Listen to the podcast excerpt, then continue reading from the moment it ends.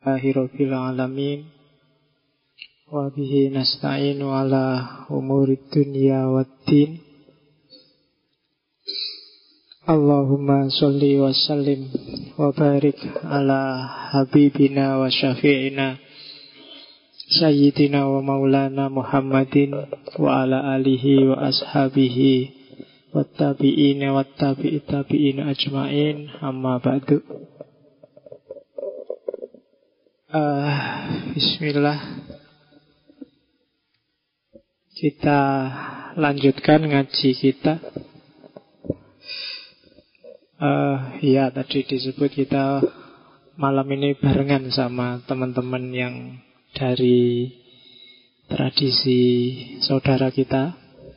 Yang di sini muslim semua ya. Ya, ya ndak apa-apa kalau ada yang enggak juga ndak apa-apa toh. Oh ngajinya juga bukan ngaji fikih, ngaji filsafat. Nah, bertepatan dengan hari Natal. Ini malamnya malam Kudus. Iya kan ini kan malam Kudus. Iya, jadi malamnya mereka.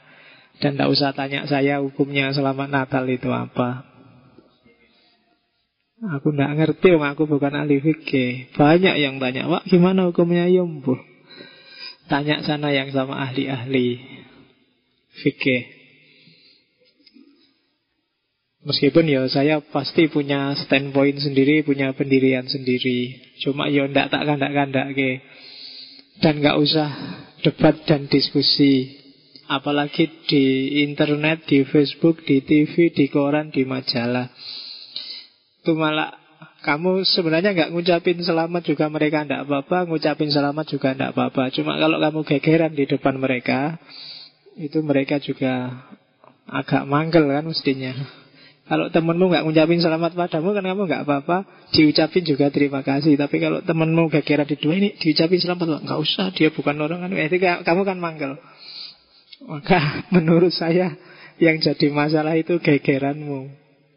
Makanya jangan seneng-seneng bikin komentar tidak masalah kalau ada temanmu setuju ya diem aja diani orang yang nggak setuju juga diem aja diani. Yang penting kamu juga punya pendirian sendiri. Kan kayak gitu. Jadi problemnya di situ.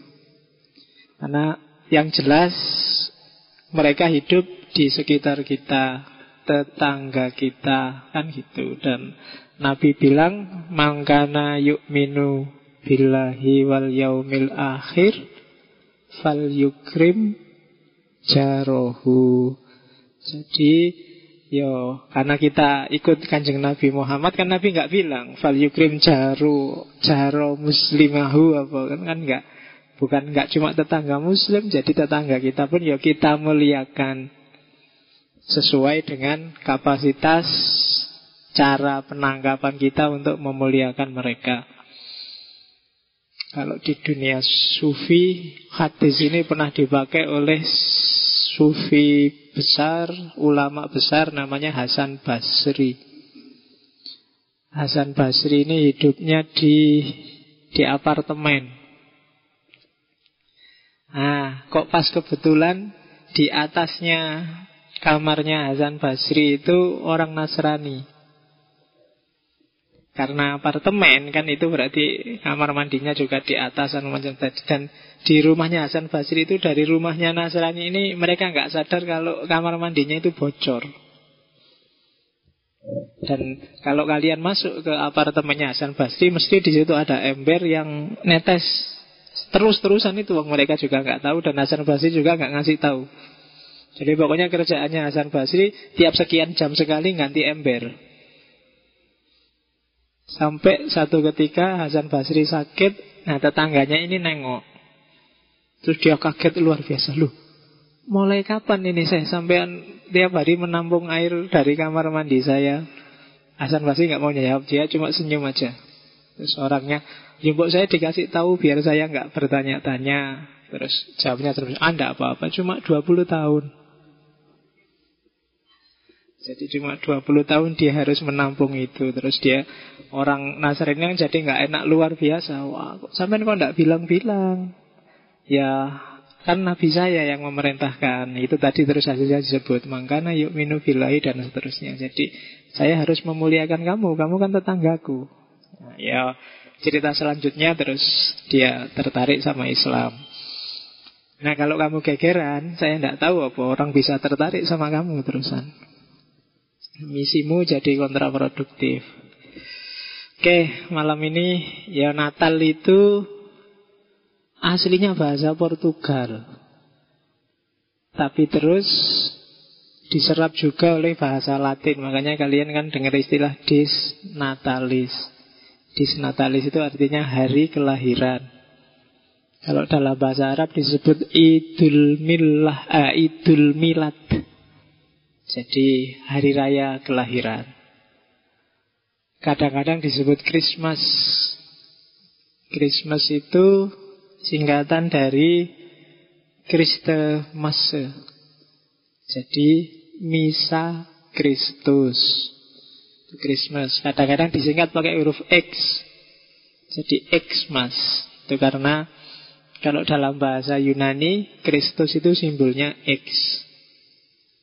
Kalau kalian kan nggak seneng kalau X-nya cuma satu, kalian suka X-nya tiga biasanya. Itu bukan Kristus kalau X-nya tiga itu. Nah, kalau Kristus itu X-nya satu terus X masa itu ya untuk nyebut Kristus di, di era itu. Ya pendapat macam-macam. Tapi yang kamu lihat hari ini misalnya pohon Natal apa Sinterklas itu munculnya abad 16 18 lah Eropa. Kalau Sinterklas Amerika. Kenapa pakai pohon cemara? Pohon Natal itu kan cemara. Itu sebenarnya simbol dari hidup yang abadi. Jadi cemara itu kan satu-satunya pohon yang masih hidup dan warnanya hijau kalau musim salju. Jadi maknanya cemara itu hidup abadi, evergreen, hijau terus. Jadi lagu-lagu yang enak terus didengar kan biasa disebut evergreen. Itu sebenarnya pohon cemara arahnya ke sana maka terus dipakailah di hari Natal sebagai hiasan. Kalau Sinterklas itu diambil dari nama Santo, Santo Nicholas dari tradisi Kristen. Santo Nicholas ini orang suci. Santo itu kalau di kita ya wali, kalau kalian baca Santo Nikolas itu sangat kasih sayang, suka memberi. Dan masa kecilnya kayak Abdul Qadir Jailani. Kalau Abdul Qadir Jailani kan lahirnya satu Ramadan, sehingga begitu dia lahir dia nggak mau nyusu siang hari. Nah kalau Santo Nikolas ini sama lahir lahir waktu bayi waktu kecil dia nggak mau nyusu di ibunya kalau hari Rebu sama hari Jumat. Waktunya orang Kristen dari ordo tertentu puasa. Jadi dia tidak mau nyusu hari Rebu sama hari Jumat.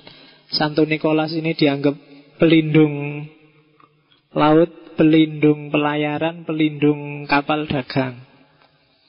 Karena ada cerita Satu ketika dia ikut kapal Kemudian tiangnya roboh Kena seorang kelasi. Kapalnya ini roboh karena ada badai. Terus Santo Nikolas berdoa Badainya reda Terus yang tadi dianggap mati hidup lagi. Maka dia dianggap pelindung Dewa laut dan dewa kapal dagang. Nah itu. Kenapa diasosiasikan dengan Sinterklas yang bagi-bagi hadiah Itu sumbernya dari Italia jadi Santo Nicholas itu waktu meninggal terus dikremasi di Itali. Nah, di Itali ini ada ada ada mitos. Jadi waktu Yesus lahir itu ada seorang nenek sihir ini mitos yang ingin ngasih jadi dapat perintah dari Tuhan ngasih hadiah sama Yesus dan ibunya. Cuma dia datangnya telat. Saya lupa nama tukang sihirnya itu kalau enggak Bevana apa siapa gitu Terus ngasih ngasih hadiah cuma dia telat Dan sebagai hukumannya setiap hari Natal Dia harus ngasih sebanyak mungkin anak kecil hadiah Nah, cuma karena ini mitos, biar nggak jadi mitos yang animistis sama sama kalangan Nasrani Itali, terus sudahlah bukan tukang sihir kok itu, itu kita sebut aja Santo Nicholas. Dan nanti akhirnya jadilah dia Sinterklas. Dan dari situ terus masuk bisnis, ya termasuk topi Sinterklas, termasuk dan macam-macam. Dari situ bisnisnya. Oke, itu pengajian Natalnya. Yo yo ben kamu ngerti sidik-sidik lah ya Masa tiap hari Ngomong tapi tidak ngerti Kalau Merry Christmas Merry itu artinya gembira, happy Jadi Merry Christmas and Happy New Year itu sunanya sama aja. Happy Christmas and Happy New Year. Cuma dikasih kata-kata Merry biar lebih seksi mungkin. Oke, kita ngaji ya filsafat Oke, kita lanjutkan. Malam ini kita ketemu dengan tokoh kesekian dari tradisi postmodernisme yaitu Jacques Derrida. Filosof Perancis yang pasti sudah akrab di telinga kita. Cuma memang pikiran-pikiran Derrida agak jelimet mungkin dua kali lipat jelimetnya dari pikiran-pikiran Rortri minggu lalu bagi yang tidak paham ya yang sudah paham ya ya paham aja tidak jelimet oke kenapa Derrida agak rumit karena Derrida sendiri ide besar yang dia bawa adalah dekonstruksi. Yang intinya tidak ada struktur, tidak ada kebenaran yang pasti. Dan itu bikin rumit. Berarti termasuk pikiran-pikirannya dari dia sendiri. Dan itu yang nanti jadi titik balik kritik orang pada Derrida. Meskipun dia menyumbangkan satu metode yang hari ini sangat populer, khususnya mereka yang menggeluti dunia post-struktural. Derrida asli Aljazair tapi hidupnya di Perancis. Sehingga dia lebih dikenal sebagai filosof Perancis. Bapaknya Yahudi dari keluarga Yahudi. Jadi yang tidak suka Yahudi ya monggo tidak apa-apa kalau tidak suka Derrida. Tapi pikiran-pikiran Derrida luar biasa. Dia gara-gara Yahudinya dia sempat dikeluarkan dari sekolah karena sekolahnya agak anti-Semit. Kalau anti-Semit kan Yahudi juga termasuk. Pinter luar biasa tapi juga pernah ngelamar di satu universitas favorit dan gagal. Saya lupa namanya itu. Tapi ya dia tidak diterima meskipun tahun kesekian berikutnya dia masuk lagi diterima dan akhirnya jadi dosen di sana. Jadi kalian yang gagal UMPTN tidak apa-apa. Derrida aja gagal. Kan gitu kamu bilangnya. Enggak jaminan yang gagal UMPTN itu nanti tidak sukses. Oke, jadi tulisan-tulisannya banyak sekitar 20-an lebih yang bisa kamu akses bahkan bisa di-download gratis di internet-internet. Ya bahasa Inggris. Kalau mau aslinya ya monggo yang bahasa Perancis. Loh iya kan? Tapi bahasa Perancis itu enak kalau didengar. Jadi kalau ngomong itu suaranya kayak di mulut semua itu kan. Kayak orang lagi makan roti terus ngomong gitu kan. semua gitu. Itu Perancis. Kalau lidahnya orang Jawa agak susah. Kalau Inggris lebih mudah kan, dari sisi dialek. Tapi kalau Perancis agak agak mending. Oke, kita langsung masuk ke Derrida. Tidak ada hal luar biasa dalam hidupnya. Lahir tahun 30, meninggal belum lama 2004. Penyakitnya sama persis kayak penyakitnya Richard Rorty, kanker pankreas. Jadi sakit yang berat-berat. Karena orang pinter-pinter mungkin karena tiap hari mikir Tiap hari anu tadi terus penyakitnya abad-abad. Kalau kamu kan enggak Karena banyak santainya, banyak senang-senangnya Penyakitnya kan enggak berat. Paling masuk angin, pilek, panu Kan sejenis-jenis itu aja. Jangan khawatir. Nyantai aja ya Jadi enggak, enggak ada penyakit berat. Oke. Kita lihat Gaya berfilsafatnya Derrida. Jadi Derrida ini unik karena dia mixed genre.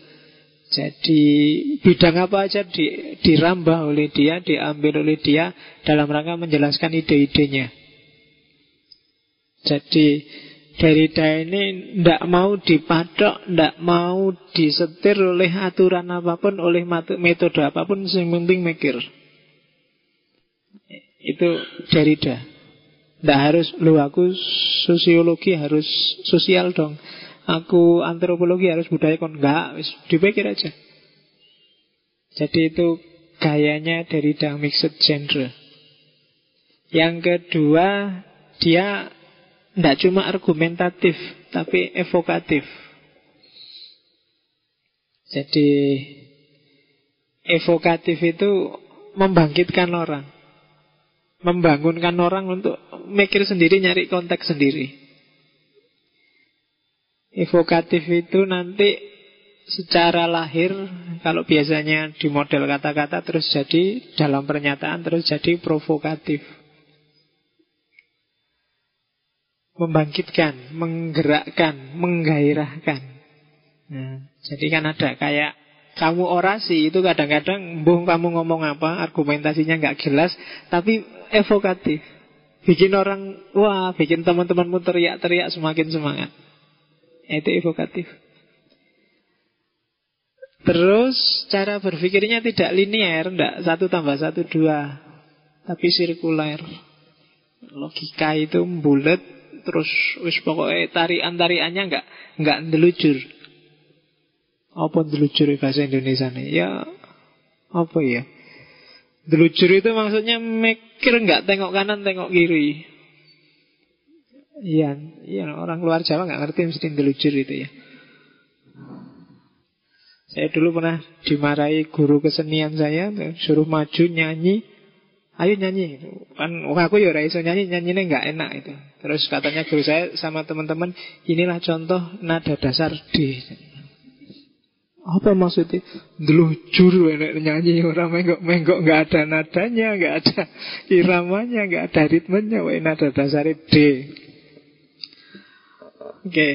Nah, ndak ndak delujur mikir, mikir itu nggak kok satu tambah satu dua.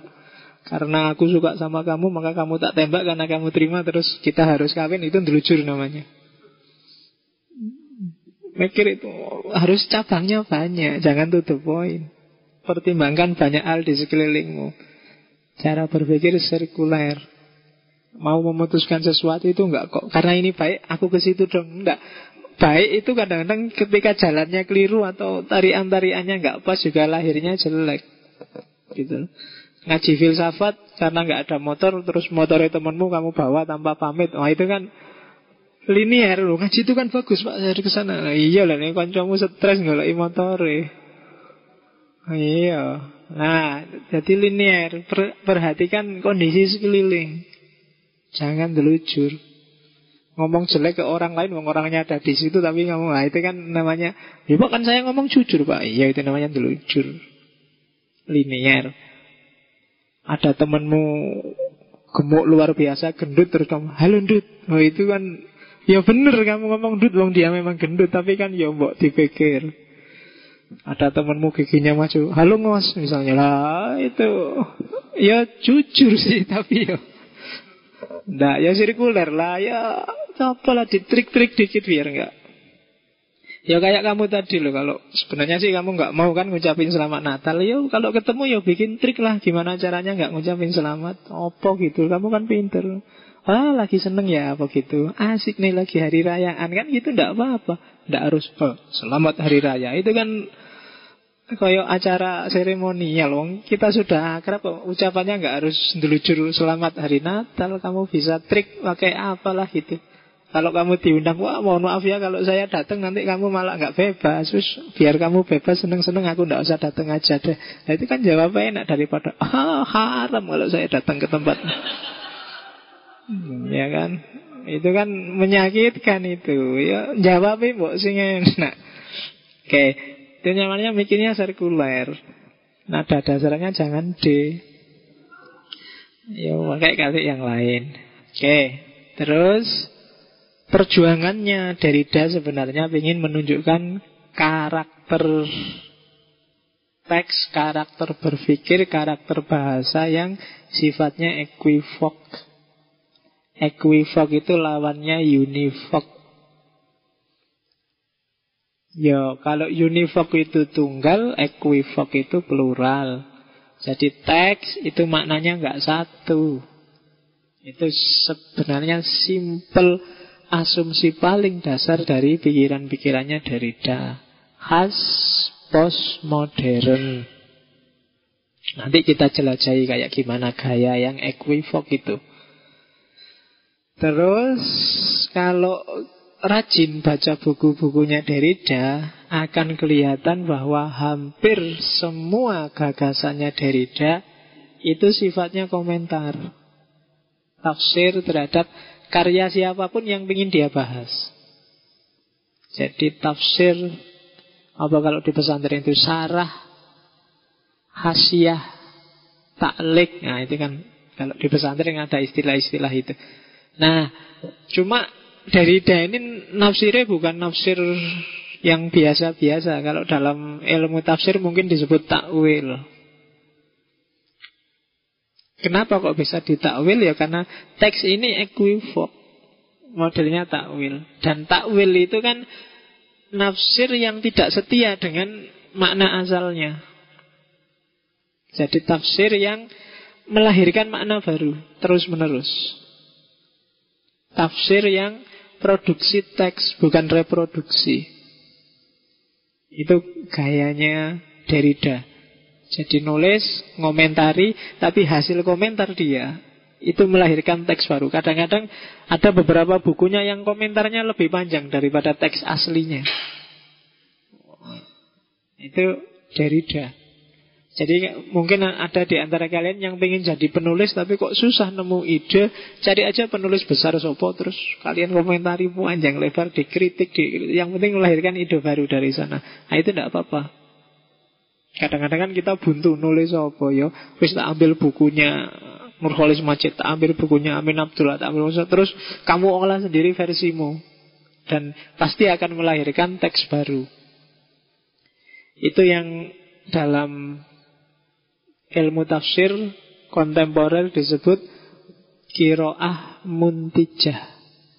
Pembacaan yang produktif. Jadi tidak repetitif, tidak ngulang-ulang. Jadi membaca versiku sesuai aku. Tidak setia lagi dengan maksudnya pengarang.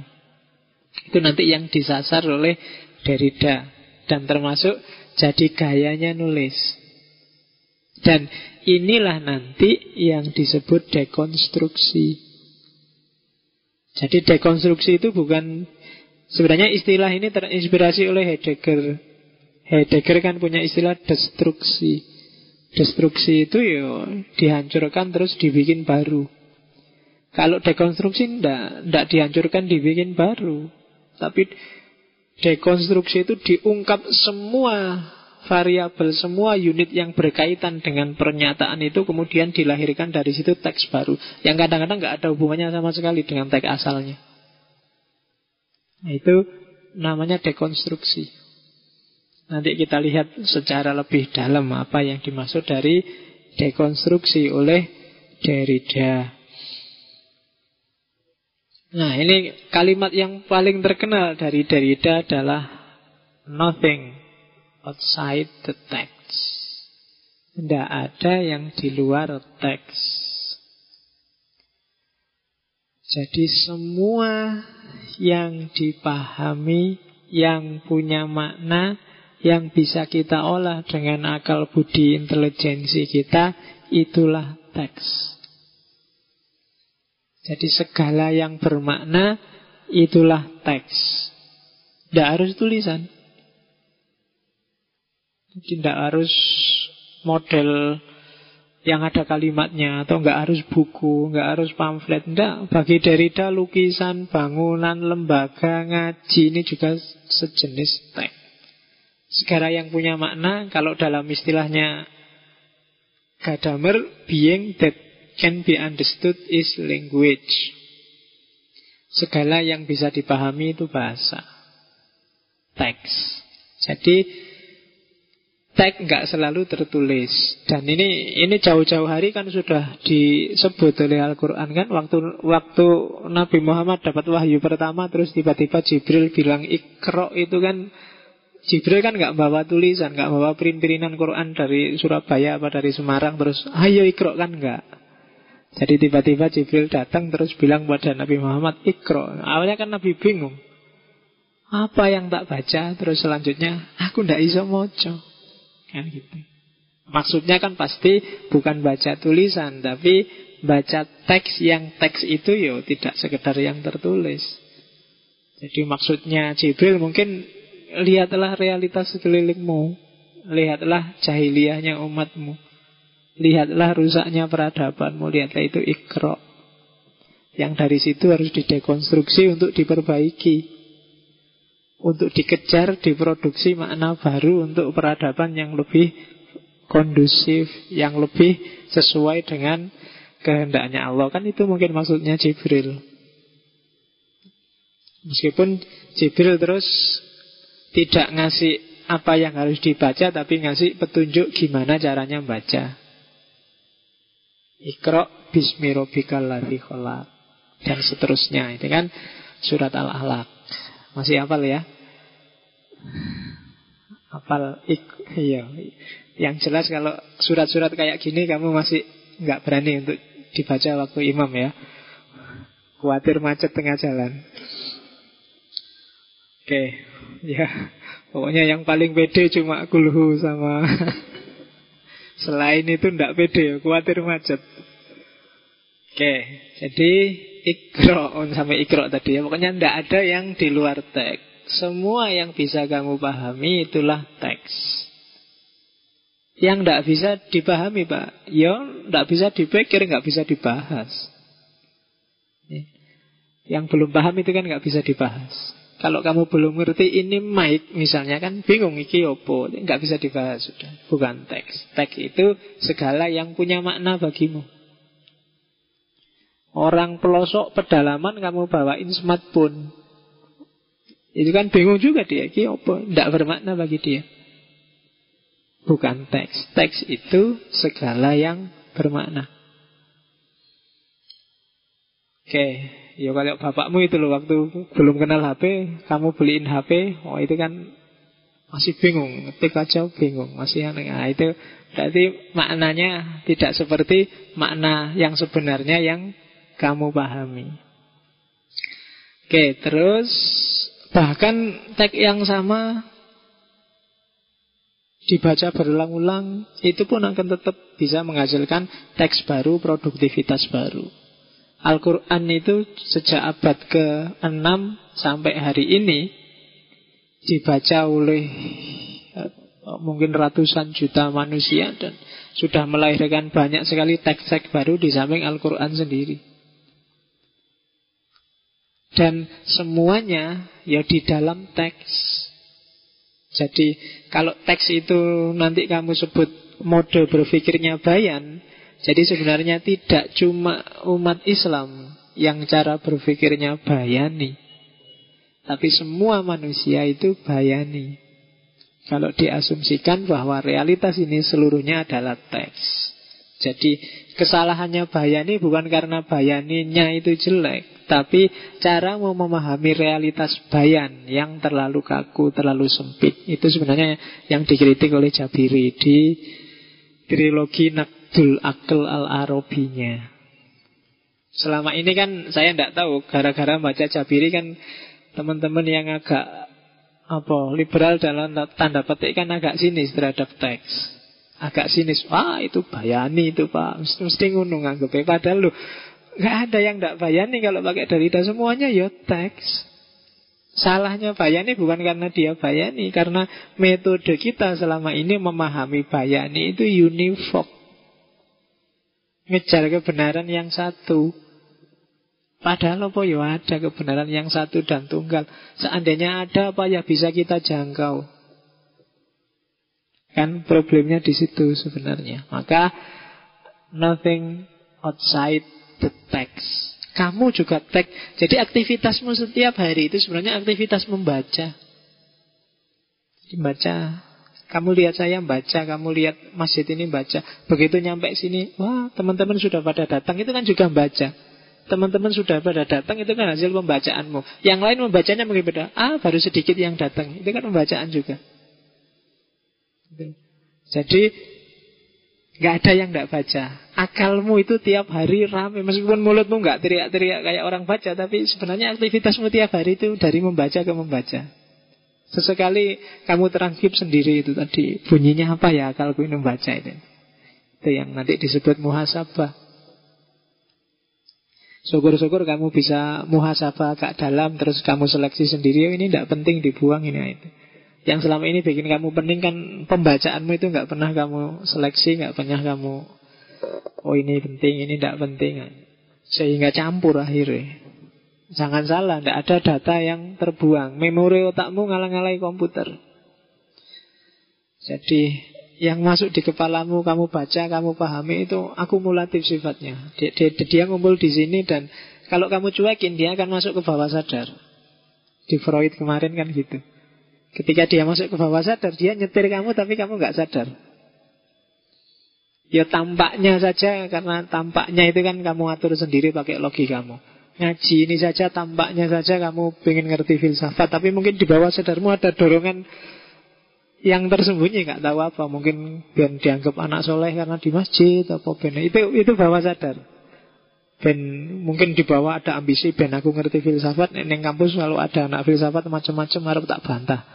Kalau hari mungkin itu itu bawah sadar tapi di atas sadar bilang oh ini ngaji pak cari barokah pak cari hikmah pak. Itu atasnya gitu mungkin bawahnya. Dan yang bawah ini justru lebih urgent. Kalau kamu galau, tidak karuan, tidak jelas ini galau karena apa? Sih? Itu biasanya kerjaannya bawah sadar. Uang masih banyak, kuliah juga lancar-lancar aja, apa-apa beres, pacar juga tidak masalah. Kok galau ya, kok bete ya? Itu ada ada problem bawah sadar. Oke, ya itu semua teks. Jadi aktivitas hidup kita dari baca ke baca. Dari situlah terus muncul ide besarnya Derrida dekonstruksi. Cuma, nah ini ada cumanya. Derrida sendiri nggak pernah mendefinisikan dekonstruksi. Dan bagi dia memang mungkin jangan didefinisikan. Kalau didefinisikan, dia jadi baku. Jangan tanya cara mendekonstruksi gimana.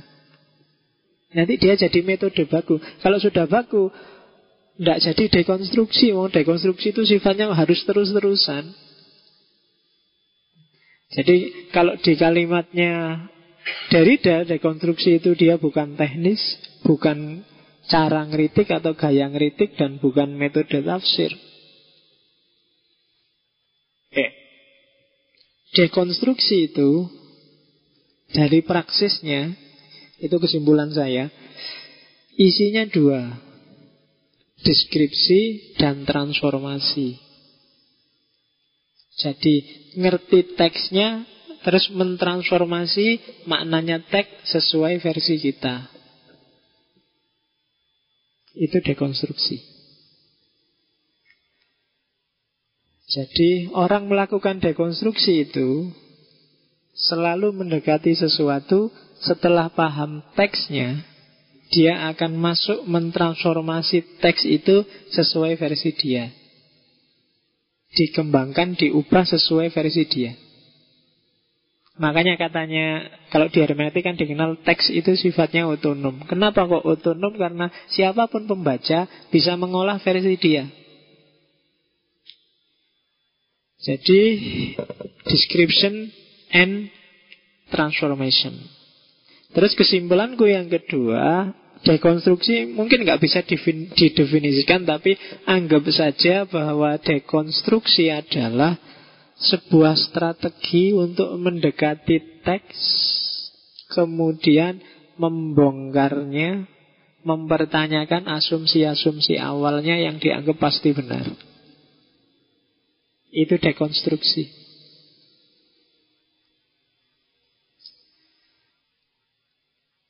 Misalnya NU punya Basul Masail, Muhammadiyah punya Majelis Tarjih. Kebenaran-kebenarannya kan dipatok di situ.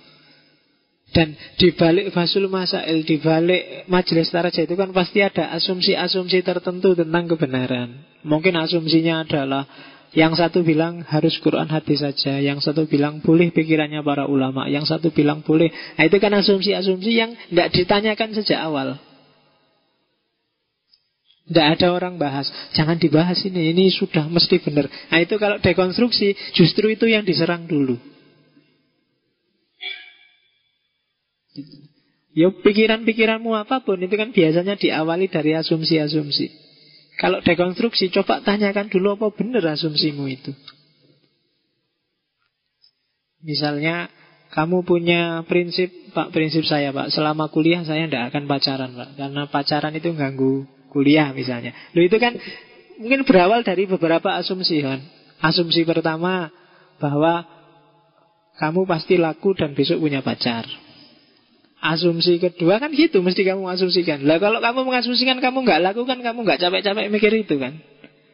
Gak capek-capek mikir kuliah sambil pacaran gak ya Itu kan berarti diam-diam kamu punya asumsi Besok aku laku loh Tapi aku gak akan mau pacaran dulu kan gitu Nah itu yang harus kamu gugat duluan Apa iya kamu laku besok Nah iya kan? Nah, itu kan asumsi tersembunyi. Itu yang harus diserang dulu. Yo fikih itu kan setiap madhab itu biasanya punya asumsi-asumsi dasar yang tersembunyi. Ya kayak tadi yang tanya hukumnya mengucapkan selamat Natal. Yo sembuh cari sendiri di internet sana. Aku paham bacaan sendiri. Ada sih ulama, ada ulama anggota MUI-nya Arab apa MUI-nya Arab itu yang yang kalau kamu buka nanti di situsnya dia punya situs tanya jawab agama itu, tapi jawabannya unik-unik, tapi ya masuk akal. Misalnya ada yang tanya, Syekh namanya Syekh, saya lupa. Ya. di belakangnya Syekh Al Mutlak namanya, Al Mutlak atau Al Mutlaki yang belakang itu. Ada yang tanya Syekh, hukumnya makan burung penguin itu haram apa halal? Ya dia tidak jawab jawabannya. Ya kalau kamu bisa nangkep dan dapat burung penguin, ya dimakan aja nggak apa-apa. Jawabannya itu jadi tidak usah nyari dalil. Ada yang tanya, yang mungkin kamu sering tanya ini. Saya, saya itu punya smartphone, ada Qurannya. Kalau tak bawa ke WC boleh nggak? Nah, terus saya jawabnya ya unik. Kamu apal nggak Quran atau apal nggak surat-surat tertentu dari Quran? Ya apal saya kulhu, saya apal Inak tak inak apal lah. Itu Quran kan? Iya Berarti kalau menurut kamu nggak boleh Kalau kamu masuk WC Tinggalin otakmu di luar Iya Jadi Jadi ya, Kamu kan ada Qurannya juga. Loh. Masuk WC ya tinggal dulu di luar. Jangan masuk. Itu Unik ya jawabannya Syekh. Arab Saudi padahal cenderung agak salafi wahabi Tapi yo jangan dikira salafi wahabi harus kaku. Ya sekali-sekali nyantai. Kamu jawabnya nggak harus kaku. Oke. Jadi Dekonstruksi adalah strategi mendekati teks. Nah Sebelum masuk ke strateginya Ini dasarnya Kenapa sih kok Derrida mengajukan dekonstruksi. Yang pertama karena dia mengkritik filsafat barat sejak era Yunani sampai modern. Yang dikritik apa? Yang dikritik adalah hal yang paling dasar, metafisikanya.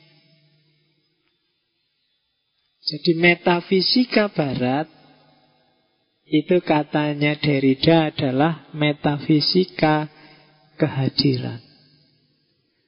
Metafisika kehadiran itu sumbernya dari Aristoteles. Prinsip dasarnya adalah prinsip identitas. Metafisika kehadiran itu kalau saya ngomong sesuatu, ucapan saya ini adalah representasi dari sesuatu. Kalau saya ngomong mic, yo mewakili barang ini loh. Kalau saya ngomong flash disk, menghadirkan barang kayak gini loh. Kalau saya ngomong laptop, yang dihadirkan barang ini loh. Itu namanya metafisika kehadiran. Jadi konsep teori pernyataan dianggap mewakili realitas. Itu metafisika kehadiran. Ah, metafisika kehadiran itu nanti jadi sumber dari yang namanya logosentrisme.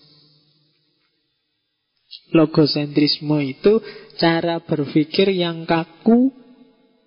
Apa logos itu nalar, cara berpikir sentris itu pusat. Jadi orang yang terjebak, terpusat di kebenarannya sendiri. Itu yang kemarin mungkin ada yang bertanya, kok rasanya kok setiap belajar filosof seolah-olah setiap filosof benar. Karena memang ya masing-masing punya rasionalitas. Masing-masing benar versi mereka masing-masing. Dan logosentris itu masing-masing mengklaim dirinya yang paling benar. Itu logosentris. Jadi logosentris itu berarti tertutup sudah logosnya. Harus itu. Di luar itu berarti keliru. Karena satu tambah satu dua tadi prinsip identitas. Kalau kamu yakin bahwa kamu yang benar berarti yang lain salah. Karena A tidak sama dengan B. Kalau kamu yakin NU mu yang benar berarti ya yang tidak NU tandingannya Muhammadiyah ya salah berarti. Yang Muhammadiyah juga gitu. Karena cara berpikirmu Muhammadiyah benar maka yang tidak Muhammadiyah nah, itu pasti Salah. Nah itu logosentris. Terpusatnya logos. Padahal logos itu sifatnya tidak tunggal. Ya tadi sifatnya equivok. Mike ya bisa mewakili barang yang kayak gini. Tapi kata-kata Mike itu ya lihat tarikannya ke mana dulu dalam konteks apa dulu. Mikrofon kalau dalam konteksnya anak kecil dia bisa jadi mainan. Dalam konteksnya penyanyi dia bisa jadi alat cari uang. Dalam konteks kiai ya alat dakwah. Dalam konteks kan gitu. Konotasinya bisa macam-macam. Orang tidak bisa ngel, tidak bisa. Yang namanya mikrofon itu ya alat cari uang. Ya tidak bisa. Dia di depan kiai-kiai dia bisa jalan menuju surga. Di depan anak kecil dia cuma permainan. Itu logosentris. Ngaji ini Jangan dikira isinya cuma barokah, rahmah, mawadah, wasakinah. Tinggal kamu hubungkan dengan apa dulu. Jangan-jangan ada yang merasa gelisah, terganggu, galau gara-gara ada yang ngaji filsafat. Karena logos tertentu tidak bisa menerima. Gaya ngaji kok ada ngaji filsafat. Tapi logos yang lain menerima. Yang menerima terus mengklaim yang paling benar itu ya ngaji, ya boleh wong ngaji kok ndak boleh, cari ilmu kok ndak boleh. Ah yang satu ya ngaji, ya ngaji tapi ya jangan filsafat dong. Nah, logosnya beda. Kalau dikejar argumennya ya mungkin bodoh bener ya. Logosnya masing-masing. Setiap nalar punya asumsi sendiri, punya konstruksi argumen sendiri. Nah, termasuk dirimu dengan kebenaran-kebenaranmu. Oke, Nah, logosentrisme itu kalau di Derrida bukti paling nyata ada dalam cara berpikir biner. Cara berpikir serba dua, serba berpasangan. Itu sebenarnya hidup kita tiap hari diatur itu. Karena ya dasarnya Aristoteles tadi, A sama dengan A dan A tidak sama dengan B. Siang malam, kemudian laki-laki perempuan, ayah ibu, dosen mahasiswa, pemerintah rakyat yang selalu kita mikirnya dua. Padahal apa? Kayak kondisi itu kan nggak cuma siang malam, ada sore, ada pagi. Cuma pagi lawannya sore. Tidak bisa pagi kok lawannya malam, tidak enak, tidak cocok. Kenapa kamu selalu biner mikirnya? Dan berpikir biner itu biasanya implikasinya terus jadi hierarkis dan subordinatif. Kalau kamu mikirnya cuma dua, biasanya yang satu ini levelnya tinggi, satu levelnya rendah. Satu konotasinya positif, satu konotasinya negatif. Satu di atas, satu di bawah. Kalau saya ngomong hitam putih, itu bagi kamu meskipun hitamnya tak dulu kan bagi kamu ya putih itu yang bagus pak, hitam itu kegelapan. Hitam itu ketombe pak Hitam itu langun pikiran Jadi hierarki dua Atau misalnya panjang dan pendek. Ya panjang pak. Kalau pendek itu kurang afdol. Lebih anu yang panjang. Besar dan kecil Ya besar pak. Besar itu kan anu. Tapi kalau gendut dan langsing Ya langsing pak. Padahal tadi milih yang besar Tapi sekarang milih yang langsing. Jadi selalu ada yang kamu letakkan di atas Dan yang kamu letakkan di bawah. Itu kelemahannya oposisi biner. Kalau saya ngomong laki-laki dan perempuan di peradaban yang patriarkal pasti ya laki-laki lah, dia rajanya, dia kan gitu. Terus orang feminis mengkritik. Bagi orang feminis bukan laki-laki kebalik perempuan. Perempuan itu yang lentur yang ah, terus dicarikan argumen. Kenapa? Hasil berpikir oposisi biner. Padahal Dunia ini kan isinya nggak cuma laki-laki. Yang jenis yang satu itu nggak kamu sebut. Maka terus dia nggak masuk kategori terpinggirkan. Jadi oposisi biner, hitam putih, siang malam, merah putih, panjang pendek, suami istri, segalanya. Tinggal kamu nyari contoh apa saja, coba cari oposisi biner di kepalamu, pasti nanti ada subordinasi dan hierarki. Meskipun kamu ngomongnya enggak, orang laki-laki dan perempuan aja meskipun kamu ikut lembaga feminis misalnya tapi kamu nggak bisa menghindari kesanmu bahwa ya tetap laki-laki lah penguasa dunia. Kenapa tidak? Kan gitu, gitu. yang feminis juga begitu ya enggak lah yang perempuan lah kan gitu. Jadi clear cut exact. Itu karena oposisi biner. Kamu selalu kan bikin dua-dua muslim dan non muslim menurut kan isinya Padahal muslim itu ya wakil macam-macam. Yang non muslim apalagi? Indonesia dan non Indonesia. Rambut isinya dua, rambut lurus dan rambut tidak lurus. Si lurus dan keriting. Padahal ada yang nggak lurus, nggak keriting. Terus kalau gundul, gundul itu bukan lawannya lurus, Pak. Gundul lawannya gondrong, Pak. Selalu dua, kamu nggak mau mikir banyak. Itu cirinya orang modern. Deso atau kota. Setengah desa, setengah kota tidak ada. Beradab atau biadab, cuma dua. Nggak bisa banyak. Terus murni atau kotor.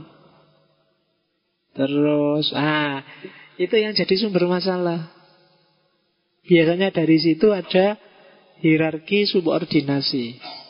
Dan itu sumber kekacauan selama ini. Oke, syariat atau sekuler. Nah, mesti Yang sekuler ya yang subordinat yang syariat. Ketika kamu setuju syariat, yang subordinat yang sekuler.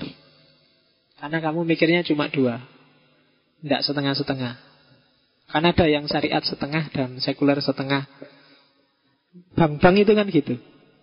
Bang itu kan yang setengah sekuler, yang setengah syariat. Ya itu kan dalam rangka cari uang, biar yang nyari syariah ada, yang nyari sekuler ada. Jadi ya harusnya masjid ini juga gitu. Jangan cuma yang syariat. Sekuler juga masuk Jadi yang santri sekuler juga dapat pengajian. Yang santri syariat juga dapat pengajian. Oke Itu kalau mikirnya biner Sumber masalah. Nah dari situlah terus Derrida masuk ke isu kedua. Hati-hati dengan apa sih antara lain sumber hierarki, sumber dominasi makna, sumber menang-menangan itu antara lain adalah karena paradigma filsafat yang modern adalah paradigma fonosentris. Kalau logosentris tadi berpikir yang terpusat, belani bener dewe. Kalau fonosentris itu lebih mementingkan ucapan daripada tulisan. Itu ada kalimat dari Derrida, the most famous founding fathers of Christianity, Yesus, and philosophy Socrates have one thing in common. They have never written a single word. Salah satu ciri paling dasar dari pendirinya Kristianitas, Yesus dan filsafat Socrates, dua-duanya punya satu ciri yang sama yaitu tidak pernah nulis. Dan ini terus dijadiin kiblat sama para pemeluk agama dan para ahli filsafat dianggapnya ucapan kata-kata itu lebih penting dari tulisan. Itu yang disebut fonosentris. Jadi ucapan itu dianggap lebih otentik, lebih asli loh. Kalau saya ngomong kan lebih enak gini daripada baca bukuku kan enak ngomongku misalnya. Pikiranmu kan gitu. Itu namanya fonosentris. Terus ucapan juga sifatnya langsung, sementara kalau tulisan kan enggak. Jadi ucapan itu simbol dari maksudku, kalau tulisan itu kan di pikiranmu kan, ucapannya dulu baru tulisan. Berarti dia simbol dari simbol. Ucapan itu simbol dari makna yang dituju dan tulisan itu simbol dari ucapan. Pikiran kita kan kayak gitu selama ini. Jadi yang kita tulis itu sebenarnya yang sudah terucapkan. Nah, kalau di Derrida kebalik. Tulisan itu lebih penting Tidak, justru makna itu katanya Derrida dan segala keregamannya berawal pertama-tama dari tulisan, bukan dari ucapan. Dari ucapan, kata dan makna ini sifatnya deterministik. Deterministik itu yang menguasai makna aku. Kamu nggak nggak berani, nggak bisa nafsir macam-macam. Kamu harus masuk ke duniaku untuk paham yang kuomongkan. Beda sama tulisan. Kalau tulisan, kamu bisa menafsirkan apa saja. Jadi kalau di Derrida tulisan jauh lebih original. Tulisan itu tampil sesuai versi dirinya sendiri. Kalau ucapan dia tampil kusetir disetir oleh yang mengucapkan sesuai makna yang dikehendaki oleh yang mengucapkan.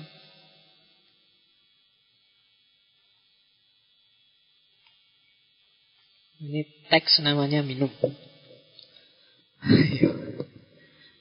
itu kan di kepalamu waktu saya minum ngomong, wah Pak Pak sedang minum. Nah itu hasil bacaanmu. Nah, tulisan kembali ke sini itu sifatnya justru lebih original dibandingkan ucapan. Begitu kamu ketemu tulisan, kamu ketemu seribu satu alternatif makna. Kenapa? Karena saat itu tulisan tampil sebagai dirinya sendiri. Tapi kalau ucapan, itu tulisan itu diperkosa, diperkosa nggak enak ya, di Iya, dipaksa oleh yang ngomong sesuai maksud dirinya. Jadi maknanya terus dipaksa jadi tunggal. Padahal kata itu mungkin bisa seribu satu makna. Aku ngomong I love you. Itu kan ketika itu diomongkan kan itu maknanya dipaksa harus sesuai dengan itu. Tapi kalau aku nulis I love you itu orang bisa menafsirkan macam-macam. Gitu Jadi simbol dari simbol enggak katanya dari dah. Tapi kata kalau simbol dari semua simbol mungkin iya. Tulisan lo ya. Tapi kalau kata, enggak.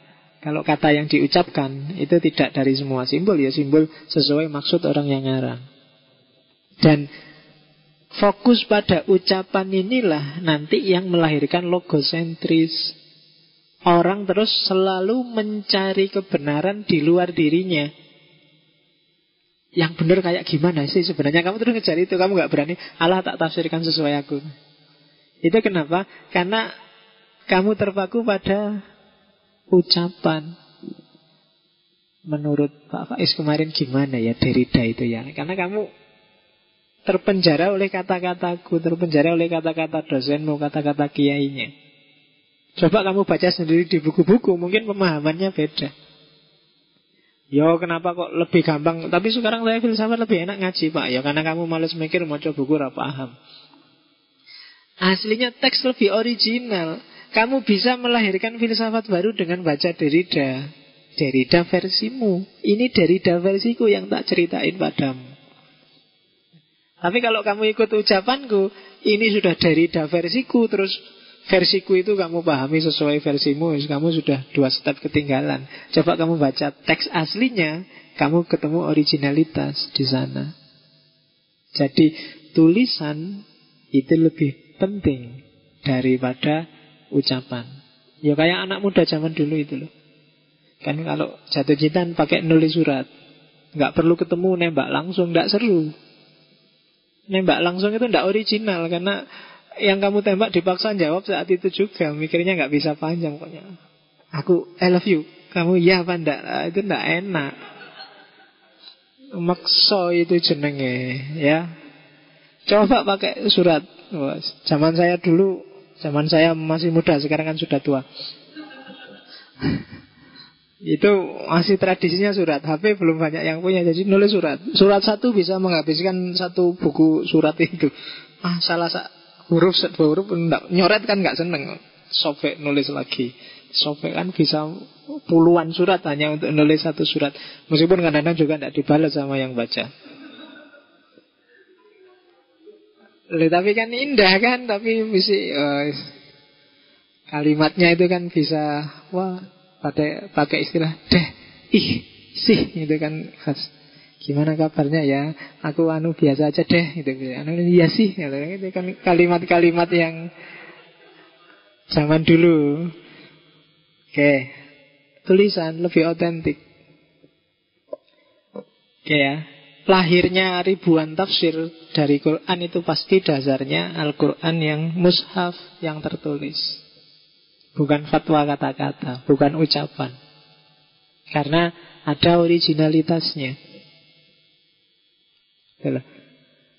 Coba ya misalnya kalian lihat tulisan Mungkin pun maksudnya bukan ke sana Tapi orang bisa ke sana Mungkin pernah tak ceritain ya Saya pernah sholat Ada mahasiswa depanku Sholat Jadi pakai kaos jolek Sudah sobek Terus sobeknya itu dilingkari pakai spidol Dikasih tulisan kecil Bedah rek gitu. Iya Jadi kayak tulisan bedah rek Terus maaf ya bedah gitu jadi lagi sholat kan nggak konsentrasi mau makna itu. Dia tidak membayangkan bahwa ketika dia nulis itu dia bisa ngerusak sholatnya orang lain. Nah, itu kan makna dariku tadi beda lagi. Nah, itu kan original teksnya. Coba kalau dia cuma ngomong maaf ya pak ini kaosnya agak beda. Itu beda kesannya. Tapi karena tulisan jadi original improvisasi orang bisa ke mana-mana. Gitu kan kadang-kadang ada kan yang depannya sholat ada di kaosnya gambar Soekarno terus akhirnya jadi waktu sholat coba proklamasi kita. Proklamasi. Ya kan? Jadi teks lebih original. Dia lebih dulu daripada ucapan karena dalam tulisan teks tampil sebagai dirinya sendiri yang punya jutaan alternatif makna maknanya nggak cuma satu Ya kayak misalnya kata-kata sayang itu kan. Sayang itu bisa seribu satu makna. Dan itu dia tampilnya di teks. Makanya kamu baca buku itu kan kadang-kadang lebih enjoy, lebih nikmat daripada nonton film. Yang baca apa novel yang difilmkan kan banyak, tapi kadang-kadang lebih enjoy baca novelnya, baca bukunya daripada nonton filmnya karena imajinasi yang bermain beda. Karena film itu pemaknaan sutradaranya, tapi kalau teks, nas itu imajinasimu sendiri yang main, versimu. Nanti kalau di Paul Ricoeur mungkin ada tambahan termasuk yang pendengaran. Oke, jadi simbol dari simbol. Termasuk yang dibahas oleh Derrida adalah identity and difference. Ya termasuk identity dan different itu secara bahasa kan didengarkannya itu mirip. Different dan different. Jadi different itu bahasa Inggris, different itu bahasa Perancis. Dua istilah yang kalau diucapkan, didengarkan itu seolah-olah sama, tapi maksudnya beda. Banyak yang kayak gini, makanya tulisan lebih penting. Kayak di TV itu ada iklan buat anak kok coba-coba. Nah, itu kan itu kalimat buat anak kok coba-coba kalau disambungkan sama iklannya ya orang ngerti lah maksudnya kan minyak kayu putih obatnya. Tapi kan ketika dilepas itu ya kata-kata buat anak kok coba-coba itu dalam bentuk tertulis kan orang oh iya ya buat anak kok coba-coba kan gitu. Gak boleh. Harus serius maksudnya gitu. Jangan coba-coba. Oke. Okay. Ya kayak undang-undang itu loh kan ada fakir miskin dan anak yatim dipelihara oleh negara. Kata dipelihara itu kan bisa seribu satu makna. Kalau ada yang tanya, kenapa ya Indonesia kemiskinan itu nggak habis-habis? Dipelihara terus ya oleh negara. Makanya nggak selesai-selesai. Anak yatimnya, fakir miskinnya ya hidup terus dipelihara kok oleh negara. Ya kan itu itu kata kalimatnya sama, katanya sama, tapi ya kan maknanya tidak ke situ maunya. Dan itu otentisitasnya ada di tulisan. Oke. Sekarang kita masuk ke difrong. Makna yang macam-macam tadi penentunya adalah difrong. Kenapa sih kok tidak ada kebenaran tunggal? Kenapa sih teks itu kok maknanya equivok? Macem-macem, ndak satu karena ada different. Different kalau bahasa Perancis, kalau bahasa Inggrisnya difference. Different itu atau different itu punya dua unsur kata yaitu differ dan differ. Kalau differ itu berarti membedakan, differ itu menangguhkan, menunda. Maksudnya apa ya? Makna itu pasti beda-beda dan jangan kesusu di judgment. Tunda dulu. Karena makna sesuatu itu tidak tergantung pada pernyataan dan bendanya, tapi tergantung kita tarik ke mana. Makna nggak akan pernah berakhir. Yang disebut makna itu bukan kok dari teks ke realitas, tapi dari teks ke teks. Itu misalnya tak kasih contoh unta. Meskipun di banyak buku contohnya anjing. Karena ini di masjid ya tak ganti unta lah. Iya. Karena kalau pakai anjing nggak enak di masjid ngomong anjing. Padahal meskipun sudah bolak-balik ngomong. Tapi kan cuma contoh. Nggak serius. Nah, unta.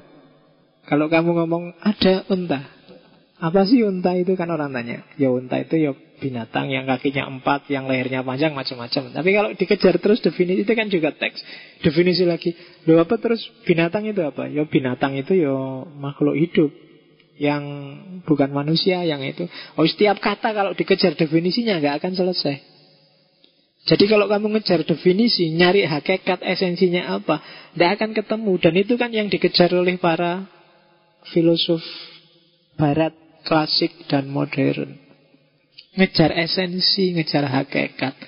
Padahal nggak ada. Hakikat itu tinggal ditarik ke mana dulu.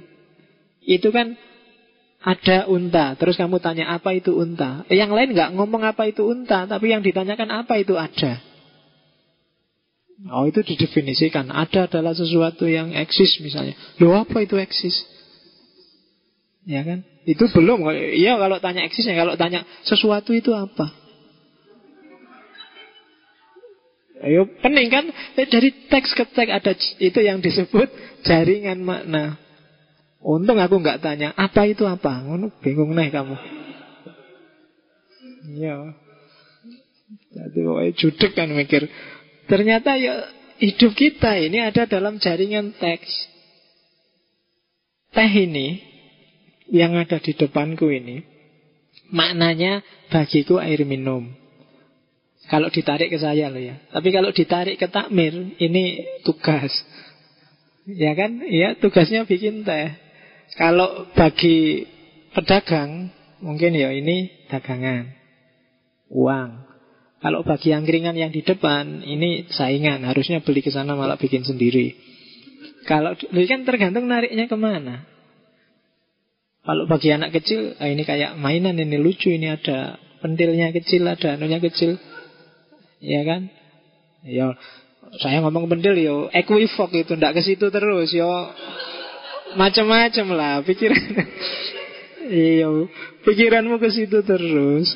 Referensinya yang agak luas. Kamu ya kayak jadi jadi makna ndak tuh yang membedakan ini adalah minuman, ini adalah tugas, ini adalah dagangan. Itu yang disebut different difference. Itu yang jadi sumber bahwa makna itu ternyata tidak tunggal, tapi plural. Tegel ini sama loh antara tegelnya masjid, tegelnya kosmo, tegelnya WC misalnya kan sama-sama pakai tegel kayak gini. Cuma kalau di WC kamu malah nyari-nyari sandal untuk masuk. Tapi di masjid kamu ngelepas sandal. Itu lahirnya dari mana? Dari makna yang kamu letakkan pada tegelnya masjid dan tegelnya WC. Yang ngasih makna ya kamu.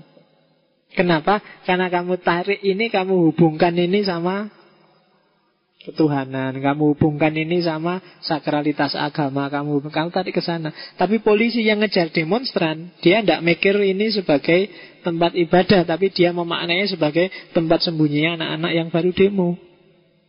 Maka dia naik. Kan problemnya di situ. Problem pemaknaan. Kalau ada yang marah-marah, nek polisi ini ngerti Derrida, lo itu kan maknanya equivok. Ya kan? Yang masjid atau bukan masjid kan tergantung kita memposisikannya. Kamar kos kita, tempat kita sholat tiap hari kan juga bisa dipakai masjid, disebut masjid. Meskipun habis sholat kita gaple di situ. Tapi kan kita sempat sholat di situ ya, tempatnya sujud, bahasa Arabnya kan masjid. Nah, jadi kenapa bisa begitu? Karena ada difrong. Filsafat Barat selama ini mengabaikan difrong ini. Mengabaikan perbedaan ini dianggapnya ada hakikat, ada makna satu yang tunggal, terus semua berlomba-lomba mengejar itu. Dan diakui apa enggak ternyata kok terus hasilnya beda-beda ya karena memang makna itu macam-macam. Kan menemukan yang lain, Hegel menemukan yang lain, Marx menemukan yang berbeda. Karena memang realitas yang dibaca mungkin sama, tapi cara mereka menarik hubungan dengan realitas itu dipengaruhi oleh different macam-macam. Itu tak kasih contoh hati. Itu kan kamu menariknya ke mana? Hati ya bisa jantung, bisa bermakna merah, Hati yang di situ bisa bermakna, oh itu pola pak, oh itu cinta pak, oh itu bangunan matematika pak. Oh, barangnya cuma kayak gitu. Itu kan kayak bendera merah putih itu loh. Bendera merah putih itu ya kalau bendera merah artinya berani. Lawannya lampu merah. Lampu merah dia tidak berarti berani tapi berarti berhenti. Merahnya sama. Tapi yang di bendera disebut berani, yang di lampu bangjo disebut berhenti. Putih juga begitu. Di bendera kamu sebut suci, tapi begitu kamu kalah tinju disebut nyerah. Tinju kan kalau kamu ngasih anduk putih kan nyerah. Jadi begitu salah menempatkan, oh Indonesia itu benderanya merah putih, merah berarti berhenti, putih berarti nyerah, Pak. Itu yang bikin Indonesia nggak maju-maju sampai hari ini itu Pak. Karena dia berhenti dan menyerah. Ah, itu urusannya makna. Wong itu cuma kain berwarna merah kan itu aja. Cuma kamu tarik dia sesuai kepentinganmu masing-masing. Maka makna selalu equivok. Kenapa ada differongnya masing-masing? Ada pembedanya. Oke. Nah, oleh karena itu perhatikanlah di setiap teks yang kamu baca tracesnya. Trace itu jejaknya. Setiap teks yang kamu baca itu sebenarnya di dalamnya ada banyak sekali jejak. Ya kayak tadi nih loh. Dari barang yang bentuknya hati warnanya merah, itu kan ada banyak sekali jejak sehingga bisa kamu, oh itu jantung pak, oh itu cinta pak, oh itu merah pak, oh itu pola pak, oh itu bangun matematika pak, oh itu cetakannya kue pak, oh itu kenapa? Memang ada jejak itu di situ. Itu yang disebut trace.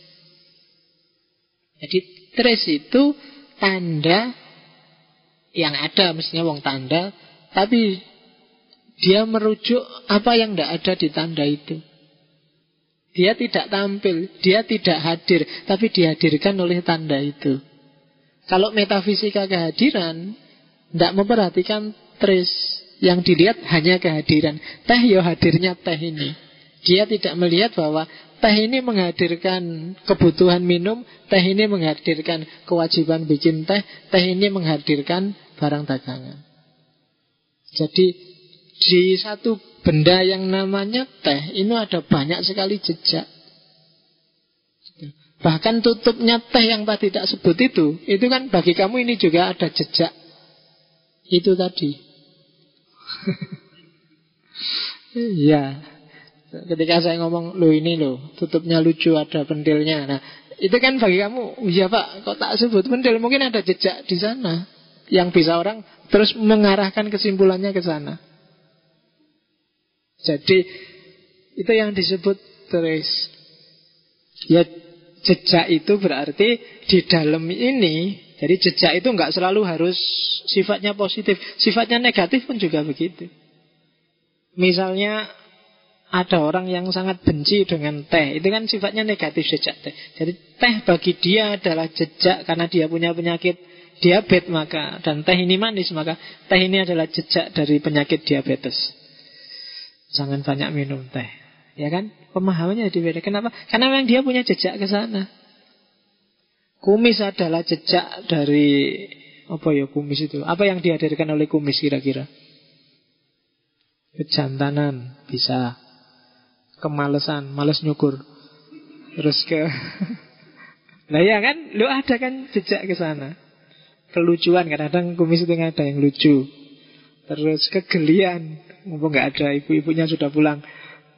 Kumis itu katanya bikin geli. Wong saya nggak pernah. Ya saya nggak pernah dibikin geli oleh kumis maksudnya. Terus nah, macam-macam. Jenggot misalnya itu kan dia jejak. Mungkin bagi kamu oh itu teroris pak. Yang satu oh itu jejak Arabisme pak. Oh itu jejak macam-macam Sunnah Rasul pak. Oh itu Itu kan Iya kan ada yang bilang sunnah Rasul Tapi di Dan itu ada aturannya Panjangnya harus tertentu. Kalau sudah panjang dikit Sudah kelewatan sunnahnya. Jadi harus sekitar berapa senti itu. Tidak boleh terlalu panjang Ada aturannya. Di sini nggak ada yang punya jenggot ya. Ada tapi eceran Dikit-dikit. Iya. Ya loh, jenggot eceran ya tidak dihitung salafi lah kamu. Masih masih belum. Salafinya masih ngecer jadi Iya, jadi segala hal Teks yang kamu baca Itu menghadirkan sesuatu yang tidak hadir. Itulah jejak. Misalnya temboknya masjid kok ada yang retak dikit. Itu kan faktanya tembok retak. Kalau metafisika kehadiran dia cuma bilang ada tembok yang retak tapi metafisikanya, dekonstruksinya dari dan dia tidak cuma menghadirkan tembok retak sebenarnya. Orang selalu mikir, oh ini mesti tukangnya agak anu ini agak curang ini waktu bangun. Oh ini mesti pimpinan proyeknya korupsi, ini mesti dikurangi bahannya. Oh ini mesti gara-gara gempa kemarin ini. Oh ini banyak yang bisa dihadirkan dari sekedar tembok yang retak. Itu yang disebut trace jejak. Jadi ilmunya detektif ini. Jadi ada jejak di setiap benda yang kamu baca.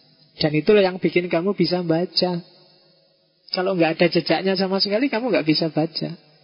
Kenapa kamu bilang ini air minum untuk minum? Karena kamu membaca jejak yang bagian itu. Kamu membaca, oh iya ya ini dipakai untuk minum biasanya kan gitu. Anak kecil yang belum minum di gelas pakainya dot dia nggak ngerti kalau ini minum. Mungkin dianggap mainan. Jadi itu trace. Ya jejak itulah nanti yang Jadi sumbernya different, sumbernya beda-beda. Ya jejak itu nanti yang dilacak dari jejak itu antara lain yang disebut aporia. Aporia itu ya paradoks-paradoksnya. Makna-maknanya yang kontradiktif, makna-maknanya yang ironis. Kayak kemarin di Rorpi itu kan ada makna-makna yang ironi, makna sindiran. Jadi itu jejak namanya. Oke. Nah, sekarang kita lihat. Teorinya kayak gitu tadi. Kita lihat nanti habis ini prakteknya.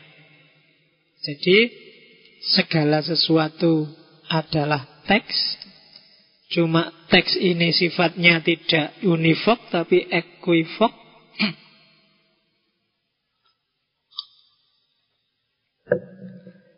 Dan makna itu lahir karena difrong. Dan adanya difrong karena ada jejak. Oleh karena itu, apa pun ide kita, apa pun gagasan kita, itu sebenarnya hanya satu lini jejak dari teks. Karena itu, jangan sekali-sekali mengklaim finalitas kebenaran. Itu arahnya ke situ pasti orang pusmu. Tidak ada kebenaran yang pasti eksak selalu begitu dan selamanya begitu. Benar menurut aku mungkin tidak benar menurut dia Atau setengah benar menurut dia yang lain Itulah kebenaran Kenapa? Ya karena orang membaca jejak yang lain Ada difrong yang lain Jadi Islam ada banyak sekali madhab Ada organisasi sosial namanya NU Namanya Muhammadiyah Karena mereka membaca jejak yang bermacam-macam dari Quran, dari hadis. Masing-masing milih jejak sesuai konteksnya sendiri-sendiri. Jadi tidak ada yang paling benar. Dan nggak ada yang benar total, benar final. Masing-masing sifatnya sesuai persepsi dan perspektifnya sendiri-sendiri. Yaitu Derrida. Sehingga apa pun yang kita anggap benar harus terus kita dekonstruksi. Dekonstruksi itu maksudnya apa? Kita bongkar lagi kemungkinan-kemungkinan makna yang selama ini kita tutup-tutupi. Itu nanti yang disebut lamponsi dan lamponsable. Lamponsi itu yang tidak terfikir, lamponsable itu yang tidak terfikirkan. Tidak terfikir itu misalnya Oh ya Janjane sama Tapi karena kita males mikir Kita sibuk dengan jejak kita sendiri Kita nggak mikir sebenarnya kita sama dia. Misalnya yang sering saya contohkan NU dan Muhammadiyah. Itu seolah-olah beda Tapi kalau dianalisis mungkin janjane nggak terlalu beda kok. Misalnya NU mengakui ada empat madhab Syafi'i, Malik, Hanafi, Hambali Muhammadiyah tidak setuju madhab, dia kembali pada Al-Quran dan hadis yang diikuti secara umum adalah Ibnu Taimiyah. Dan Ibnu Taimiyah ini berasal dari satu lini yang disebut Salafi. Salafi itu kan maha gurunya, sumber ajarannya ada pada Imam Ahmad bin Hambal, Hambaliyah. Dan Hambaliyah adalah salah satu madhab yang disetujui oleh NU. Jadi kalau orang NU kok ngeritik Muhammadiyah, dia tidak konsisten. Jadi ini mau setuju Hambali. Kalau setuju Hambali harusnya setuju dengan praktek Muhammadiyah. Muhammadiyah juga begitu. Kalau dia nganggap, ah NU itu kan bukan kita. Loh bukan kita gimana, Wong? Podo prakteknya. Nah itu itu namanya lampu selama ini nggak dipikir janjane ya jurusannya bodoh. Cuma karena kita sibuk dengan lini kita sendiri terus kita nganggep beda. Apalagi kebanyakan NU dan Muhammadiyah itu tidak serius. Tidak ngerti NU, kenapa NU dan apa isinya NU yang Muhammadiyah juga gitu. Akhirnya terus gegeran ra jelas karepe. Ah, itu yang harus didekonstruksi katanya dari Ida. Ada yang tidak terfikir Dan juga yang tidak terfikirkan. Tidak terfikirkan itu seandainya dipikirkan mungkin susah disambung-sambungkan. Misalnya Sunni sama si A. Ada beberapa prinsip paling dasar yang yang susah ini kalau digadukkan. Tapi bukan berarti tidak bisa, tapi ya iso, tapi susah. Itu lamponsable. Bisa diadaptasi sebenarnya bisa, cuma kalau diambil begitu saja agak susah itu lamponsable. Kalau lamponsi yang tidak terfikir bisa lah kamu Sebenarnya kita sama, nggak perlu diubah apa-apa, kita sudah sama kok. Nah, itu itu cara berpikir model dekonstruksi. Jadi jangan ada satu pun pikiranmu yang kamu berhalakan. Pikirannya Derrida ini nanti yang dipinjam oleh Arkon untuk menjelaskan kondisi umat Islam saat ini. Jadi umat Islam saat ini itu yang disakralkan bukan Islamnya tapi pikirannya sendiri yang diberhalakan. Itu yang dia sebut sebagai takdisul afkar ad Sakralisasi pemikiran keagamaan. Jadi kamu sucikan sendiri pendapatmu dan kamu sembah-sembah sendiri, kamu berhalakan pikiranmu sendiri. Itu yang terjadi di dunia Islam. Kenapa kamu nggak mau dekonstruksi, nggak mau melihat ada banyak kemungkinan makna selain makna yang kamu anggap benar? Itu Derrida. Ini contoh aplikasinya. Misalnya untuk kasus keadilan. Konsep keadilan. Kalau di Derrida, keadilan itu enak didiskusikan. Tapi dia tidak akan bisa kamu dapatkan. Kenapa dia tidak bisa diobjektivasi? Adil dan tidak adil itu sifatnya tidak eksak, sifatnya cair. Orang ngomong tentang keadilan pun biasanya ya tidak langsung. Laki-laki boleh kawin empat asal adil. Oh itu susah sekali. Kamu nyari parameter adil itu tidak akan bisa. Termasuk keadilan untuk banyak hal wis adil pada orang miskin, adil pada anak itu barangnya sendiri nggak susah. Ada loh yang dikawin empat dan nggak dikasih nafkah tapi yo seneng aja merasa adil aja. Tapi ada yang istrinya cuma satu, yo istrinya merasa iya suaminya nggak adil, bisa susah. Apalagi terus dalam prakteknya keadilan itu disandingkan dengan hukum apuria. Apuria itu kontradiksi antara hukum dan keadilan. Adanya hukum itu kan untuk mewujudkan keadilan. Padahal keadilan itu, hukum itu sifatnya eksak, pasti, Sementara keadilan itu sifatnya moral cair, tidak pasti. Sesuatu yang pasti tegas, tapi untuk tujuan yang tidak pasti tidak tegas. Oh, itu rumit sudah. Itu yang disebut aporia, kontradiksi. Susah orang memaknainya kemudian. Gitu. 20 tahun bagi Angelina Sonda itu adil apa enggak ya? Oh itu kan bagi keluarganya Angelina Sonda Tidak adil Apa sih salahnya dia Dia cuma anak buah Cuma ikut perintah hukumannya sepanjang itu Tapi bagi kita yang Ah ben kapok Masa uangnya rakyat kok dimakan Saya yang rakyat aja nggak pernah makan segitu Nah ya kan Kamu dasarmu kapok Kalau keluarganya Oh dia kan cuma pion Dia bukan dalangnya Dia cuma Jadi adil tidak adil itu juga ya agak susah melihatnya. Padahal kita nyari keadilan dengan dasar hukum. Sementara hukum itu eksak. Barang yang eksak masuk ke dunia tidak eksak. Barang yang partikular khusus masuk ke dunia yang sifatnya umum. Norma itu kan umum. Keadilan itu kan barang umum. Sementara hukum itu partikular khusus. Apalagi fakta hukum itu fakta yang positivistik. Pokoknya ada yang dipukuli ya urusan polisi gitu aja kan. Padahal mungkin yang mukuli itu pacarnya sendiri dan itu konteksnya tidak kekerasan tapi kesayangan. Lo ya susah kan kamu mikir. Itu pak saya lapor ada kekerasan pak. Masa pacarnya dicubitin dipukulin misalnya. Itu kan yang bersangkutan. Loh enggak saya seneng. Kalau dicubitin tak suruh nyubit lagi ya pak. Saya kan? Enggak jadi polisi ini lo itu kan kekerasan enggak bisa pak. Itu harus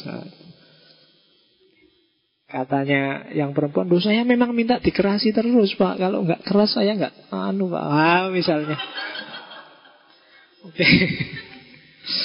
Iya, contohnya apa Jadi itu apuria, apuria hukum dan keadilan. Jadi maka apa? Gagasan, ide kita, wawasan kita tentang keadilan harus siap didekonstruksi terus. Jangan-jangan yang kita anggap adil itu tidak adil. Jangan-jangan yang kita anggap lurus itu tidak lurus. Dekonstruksi dan terus dekonstruksi itu maksudnya bukan kok dibubarkan gitu, tapi kamu bongkar lagi, jangan-jangan ada makna yang kelewatan.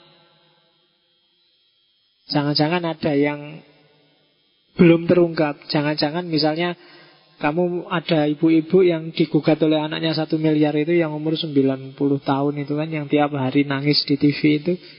Nah kan bagi kamu sangat tidak adil. Ya dari sejauh fakta yang kamu tahu memang itu sangat tidak adil. Tapi mungkin kalau dibongkar-bongkar lagi ada kok ada ya anak sampai nekatnya kayak gitu. Jangan-jangan ada variabel lain yang belum terbaca.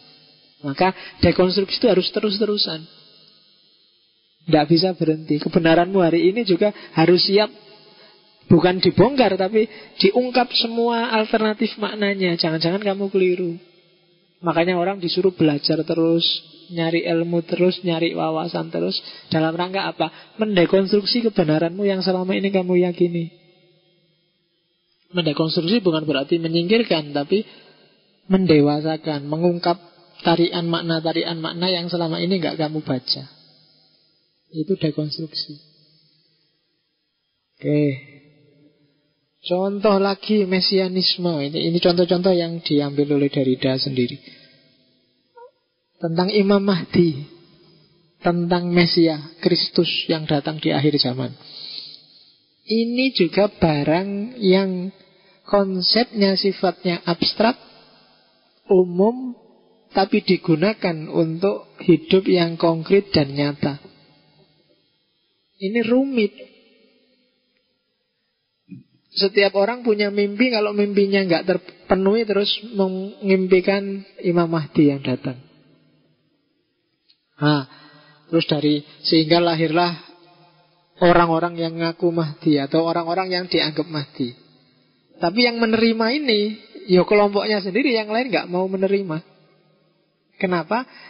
Karena memang konsepnya konsep abstrak.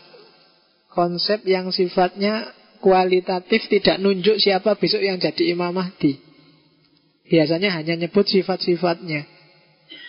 Itu yang sehingga orang kalau bukan kelompokku yang enggak. Begitu Lia Aminuddin ngomong aku adalah Imam Mahdi, ah pasti bukan masa Imam Mahdi kayak gitu. Terus begitu ngomong, ya kan orang selalu begitu.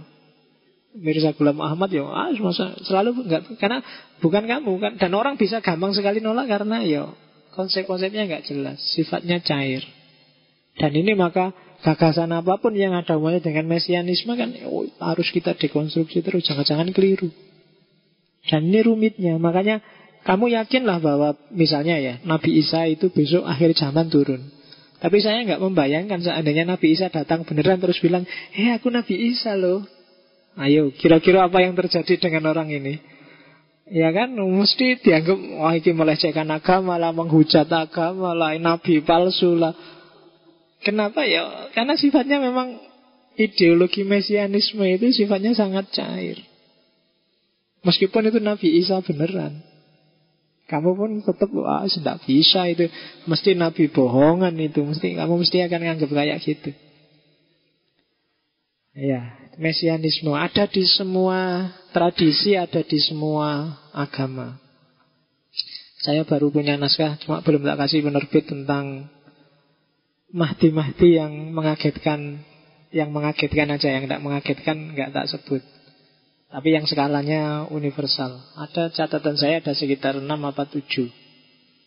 Ada Mahdinya orang Wahabi yang Aiman Az-Zawahiri itu yang selama dua minggu dia menduduki Masjidil Haram kemudian membantai jamaah haji sampai 500 orang lebih karena dia ngaku Imam Mahdi dan orang Arab nggak ngatasi untuk menaklukkan Aiman al-Zawahiri di Mesir ada Sukri Mustafa dengan gerakan takfir wal hijrah yang berhasil membunuh Hussein Al-Zahabi. Di Indonesia ada Diponegoro. Itu juga di antara kesuksesannya Pangeran Diponegoro karena klaim kemahdian. Karena dia ngaku sebagai Imam Mahdi, Khalifatullah Tanah Jawa. Ya kan? Dia kalau di riwayatnya yang ditulis Peter Carey itu karena dia merasa ditemui oleh Nyai Roro Kidul kemudian ditemui oleh Imam Mahdi yang asli dan dia diangkat jadi Imam Mahdinya tanah Jawa. Karena lakunya Pangeran Diponegoro kan dia tirakat ke gua-gua tirakat dan dia menemukan itu semua dan ini jadi satu faktor kenapa kok banyak orang Jawa mendukung perjuangannya karena dia dianggap Imam Mahdi itu kan dan mengagetkan bagi dunia. Ada ada beberapa Imam Mahdi yang tak catat agak mengagetkan dunia. Itu makanya di Penogoro kan dahsyat dia menguras kasnya VOC zaman itu. Kalau ada lagi yang menurut saya ada unik, ada yang tiga orang berhasil mendirikan dinasti.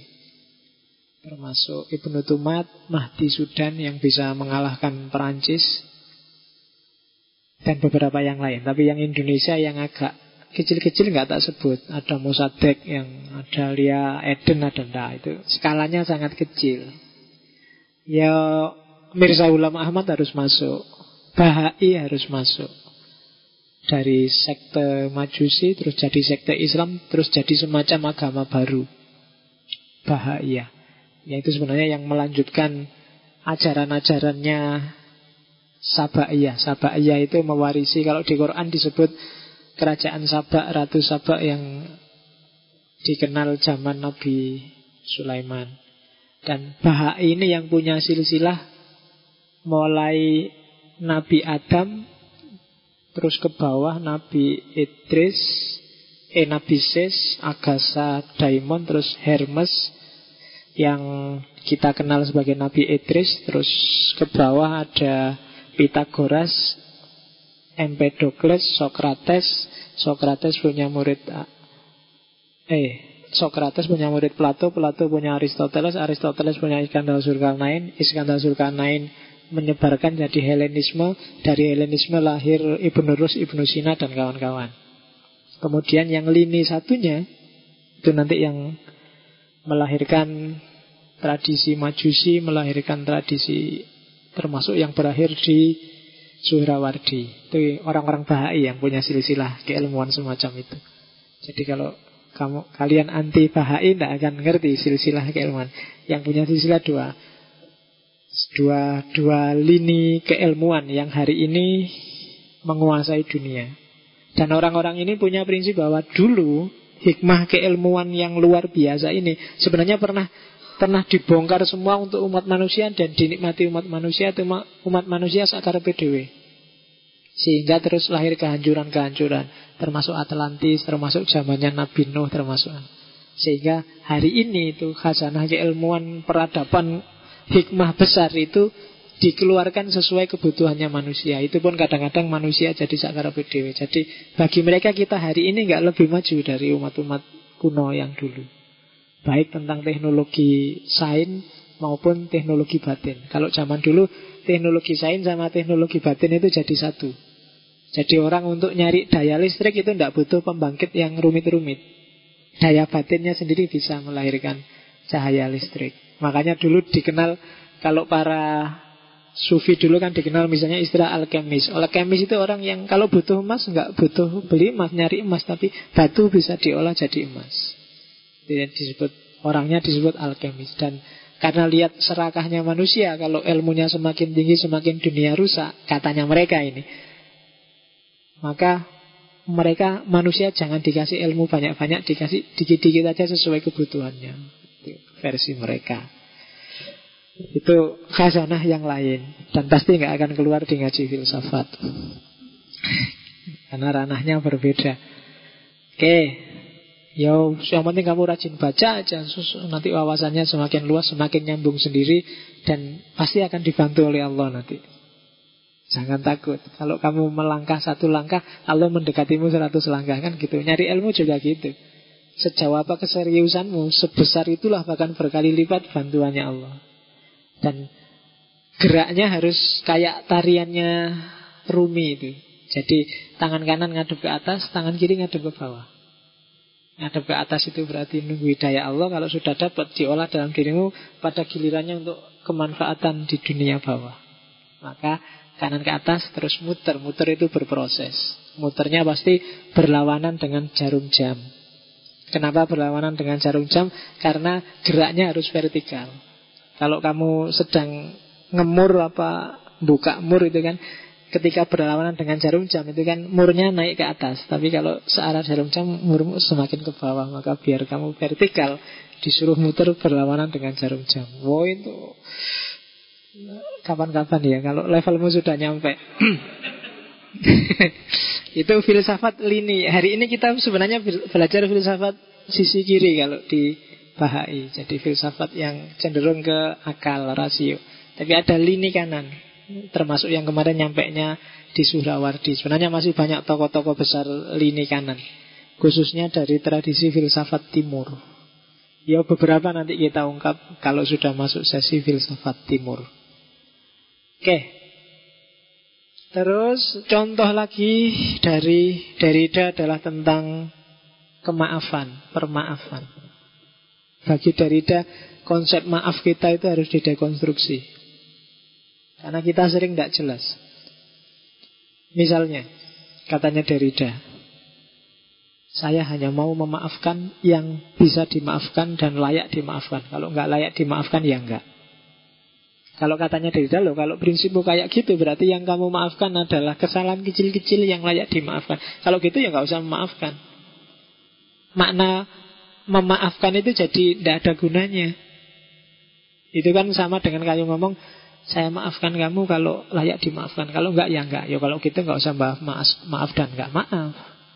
Berarti intinya bukan kamu memaafkan apa enggak, tapi sakarepmu lah gitu aja toh.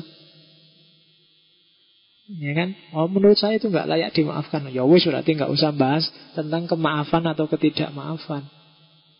Dan yang kayak gini ini banyak dalam hidup kita Itu yang harus direkonstruksi Seolah-olah kita baik Tapi sebenarnya bersyarat Dan kebaikan yang bersyarat itu ya Apa iya gitu Harus didekonstruksi deh Saya itu baik sih sama kamu Kamu mau tak utangin Tapi kamu boros gitu sih Jangan Itu ya orang itu berarti Ya bodoh wae berarti nggak nggak jadi baik bersyarat. Ya, nanti kamu baca lagi tentang forgiveness. Hari ini tema ini aktual ketika kamu sambungkan dengan misalnya rekonsiliasi antara PKI dan non-PKI. Itu kan logika permaafan itu. Harus dimaafkan apa enggak? Siapa yang harus memaafkan? Siapa yang harus tidak dimaafkan? Oh, itu nanti kamu pakai dekonstruksinya Derrida. Dia ngomong banyak tentang itu. Pluralitas itu juga pasti karena sumbernya dekonstruksi itu pluralitas. Hidup kita kan plural. Secara umum menyikapi pluralitas kan ada dua. Ada yang sifatnya positif dan ada yang sifatnya negatif. Ada yang negatif itu yang tidak toleran menghadapi pluralitas. Menghadapi orang lain yang berbeda. Ketika tidak toleran, yang lahir apa? Xenofobia Xenofobia itu anti orang asing. Segala yang asing dianggap keliru, dianggap salah, dianggap nggak pas, pokoknya nggak seneng sama orang asing, takut sama orang asing. Itu nanti melahirkan rasis. Ya kan? Kayak kamu lihat bule terus isin ah, takut ah mau deket-deket. Atau itu mungkin itu jenis hati-hati xenofobia. Takut sama yang berbeda itu xenofobia. Takut sama yang asing itu xenofobia. Lawannya xenofobia yang bawahnya itu xenofilia. Xenofilia itu jatuh cinta dengan yang asing, yang berbeda. Bagus cuma jangan berlebihan. Kalau berlebihan nanti kayak artis-artis. Kalau nggak bule nggak mau. Harus bule. Nah itu xenofilia namanya. Kalau nggak Arab nggak mau. Kalau enggak India enggak mau Kalau enggak Amerika enggak mau Kalau enggak gaya barat enggak mau Itu xenofilia Ya xenofilia itu awalnya toleransi Dan pada akhirnya ya integrasi Tapi yang jelas itu Coba deh kamu cek lagi sikapmu terhadap keragaman Ada poin-poin yang harus didekonstruksi. Antara lain ini. Identitas komunal. Termasuk antisemitisme. Karena tak bilang tadi, Derrida ini termasuk korbannya antisemit. Karena dia dikeluarkan dari sekolah karena anaknya Yahudi.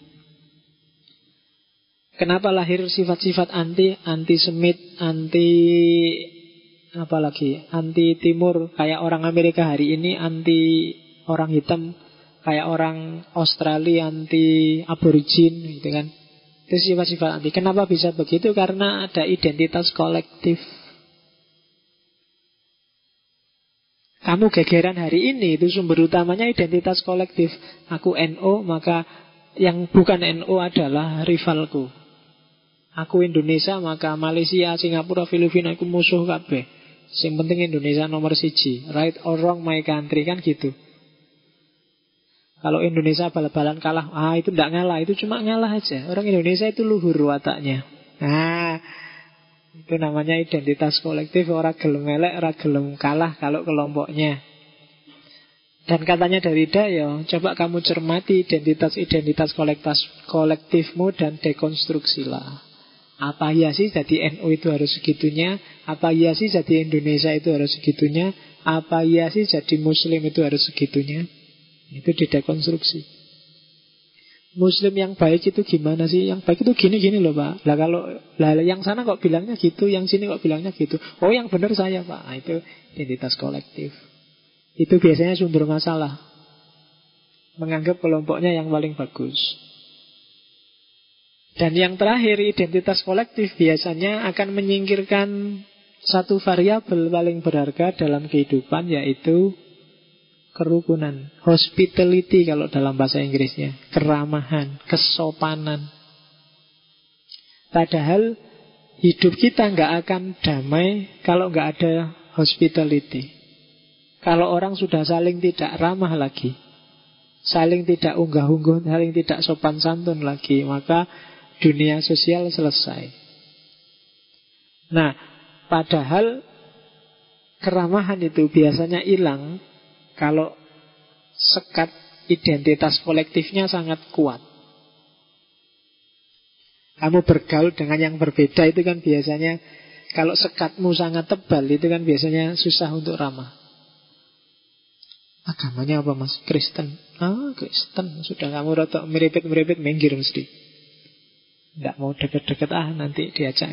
Ah, jangan-jangan itu nanti misi kan gitu. Itu. Oke. Jadi orang tidak akan bisa ramah, nggak akan bisa rukun, nggak akan bisa damai kalau kamu terlalu kuat mematok identitas kolektifmu. Padahal mungkin itu identitas kontingen, identitas sementara. Tidak salah kamu mengklasifikasi dirimu jadi A atau B. Salahnya apa? Kamu patok bahwa A itu kayak gini atau B itu harus kayak gini. Itu problemnya. Pokoknya Pak, NO itu yang pertama harus tahlilan, yang kedua harus kunut, yang ketiga harus rajin sholawatan. Lah itu kan versimu. Apa iya harus gitu? Kan gitu. Coba didekonstruksi deh, diluaskan lagi wawasannya. Apa iya itu atau Harusnya apa benar itu harus? Kalau Muhammadiyah Pak, jangan sampai dia kunut apa tahlilan. As, ah, ya apa iya harus gitu. Yang bilang harus itu loh sopo. Kan kamu sendiri itu yang harus didekonstruksi. Itu yang selama ini kita mis dianggap identitas itu ya itu dan harus itu. Cirinya ramah itu dua sebenarnya. Ada dua jenis ramah. Ada ramah yang murni, ada ramah yang tidak murni. Ini sebenarnya yo istilahnya Derrida sendiri. Kalau murni itu tidak ada syaratnya. Kalau tidak murni dengan syarat. Keramahan yang tidak murni nggak ada artinya, wajib didekonstruksi. Kamu tak lindungi sih, tapi masuk kelompokku dulu ya. Nah, itu itu ada syaratnya berarti. Kamu butuh apa tak kasih tapi yo kelompokku dulu ya. Itu namanya dengan syarat. Cinta yang sejati, keramahan yang sejati itu tanpa syarat. Bahkan syarat-syarat normal misalnya aku cinta padamu, tapi kalau kamu cinta padaku, kalau enggak ya sudah aku cari yang lain. Nah, itu sebenarnya bukan cinta. Keramahan juga begitu. Ku hormati engkau asal kau hormati aku. Kalau enggak, enggak. Nah, itu namanya balas dendam, bukan ramah tamah. Jadi, enggak usah pakai syarat. Ya kayak Hasan Basri tadi loh. Jadi, Meskipun orang Kristennya menyakiti dia, dia tetap ramah, tetap baik, dan hasilnya juga baik. Itu kalau kita saling baik, hasilnya baik. Itu logikanya dari Ida. Cuma baik ini kan konsep umum. Maka pemahaman kita terhadap baik itu dekonstruksilah terus. Soleh juga konsep umum. Definisimu tentang soleh, dekonstruksi terus. Biar berkembang. Nah itu pasti dunia akan jadi lebih baik. Nah, pikiran-pikirannya Derrida terakhir. Yang seperti ini nanti banyak sekali yang mengkritik. Kritikan pertama dan terutama adalah terlalu jelimet. Banyak orang bilang, susah aku mau tulisannya sampean Derrida. Ah, ketika diwawancara gitu Derrida jawab, loh, kok mesti ya? Padahal ilmuwan matematika itu nek ngomong juga bulat. Ilmuwan fisika nuklir apalagi bulat. Orang kok selalu ngomong filsafat ya yang bulat. Kok tidak jarang orang ngomong bahwa matematika itu bulat. Jarang orang takutlah dengan matematika, takutlah padahal filsafat itu ya bulat tapi tidak sembulat matematika, tidak sembulat ilmu nuklir. Nah, itu jawabannya Derrida. Jadi ternyata selama ini kita terjebak oleh image, oleh asumsi kita sendiri bahwa filsafat itu rumit. Maka itu harus didekonstruksi. Jari sopo filsafat itu rumit. Itu kalau modelnya Derrida. Buktinya banyak orang paham, banyak orang nulis tentang saya katanya Derrida. Sampai detik ini ada satu penelitian yang bilang bahwa ada sekitar 17 ribu tulisan model artikel tentang Derrida. Di seluruh dunia sudah ada sekitar 7 ribu tugas akhir, skripsi, tesis, dan disertasi yang nulis tentang Derrida. Kemudian buku-buku yang judulnya tentang Derrida jauh lebih banyak lagi. Itu katanya dari menunjukkan bahwa lu jari sopo mumet.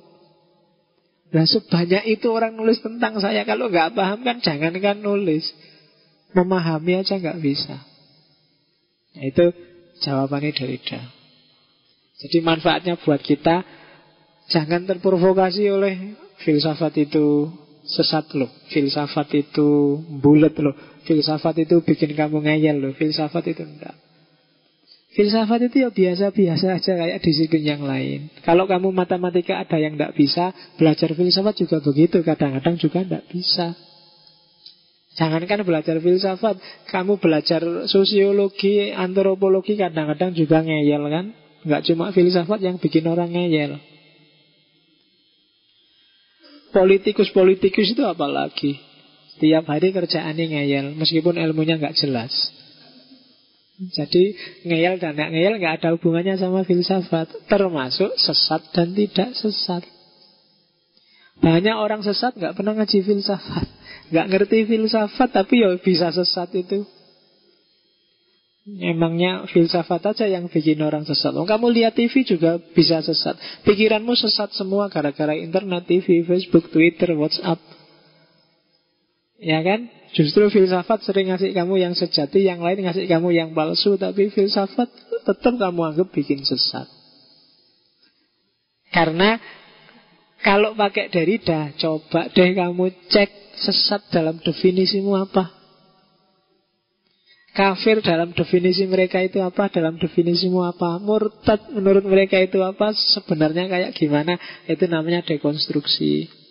Maka Ayo kita dekonstruksi semua konsep-konsep, semua pemahaman, semua yang kita anggap pasti benar. Jangan-jangan ada yang keselip. Jangan-jangan ada yang tidak pas.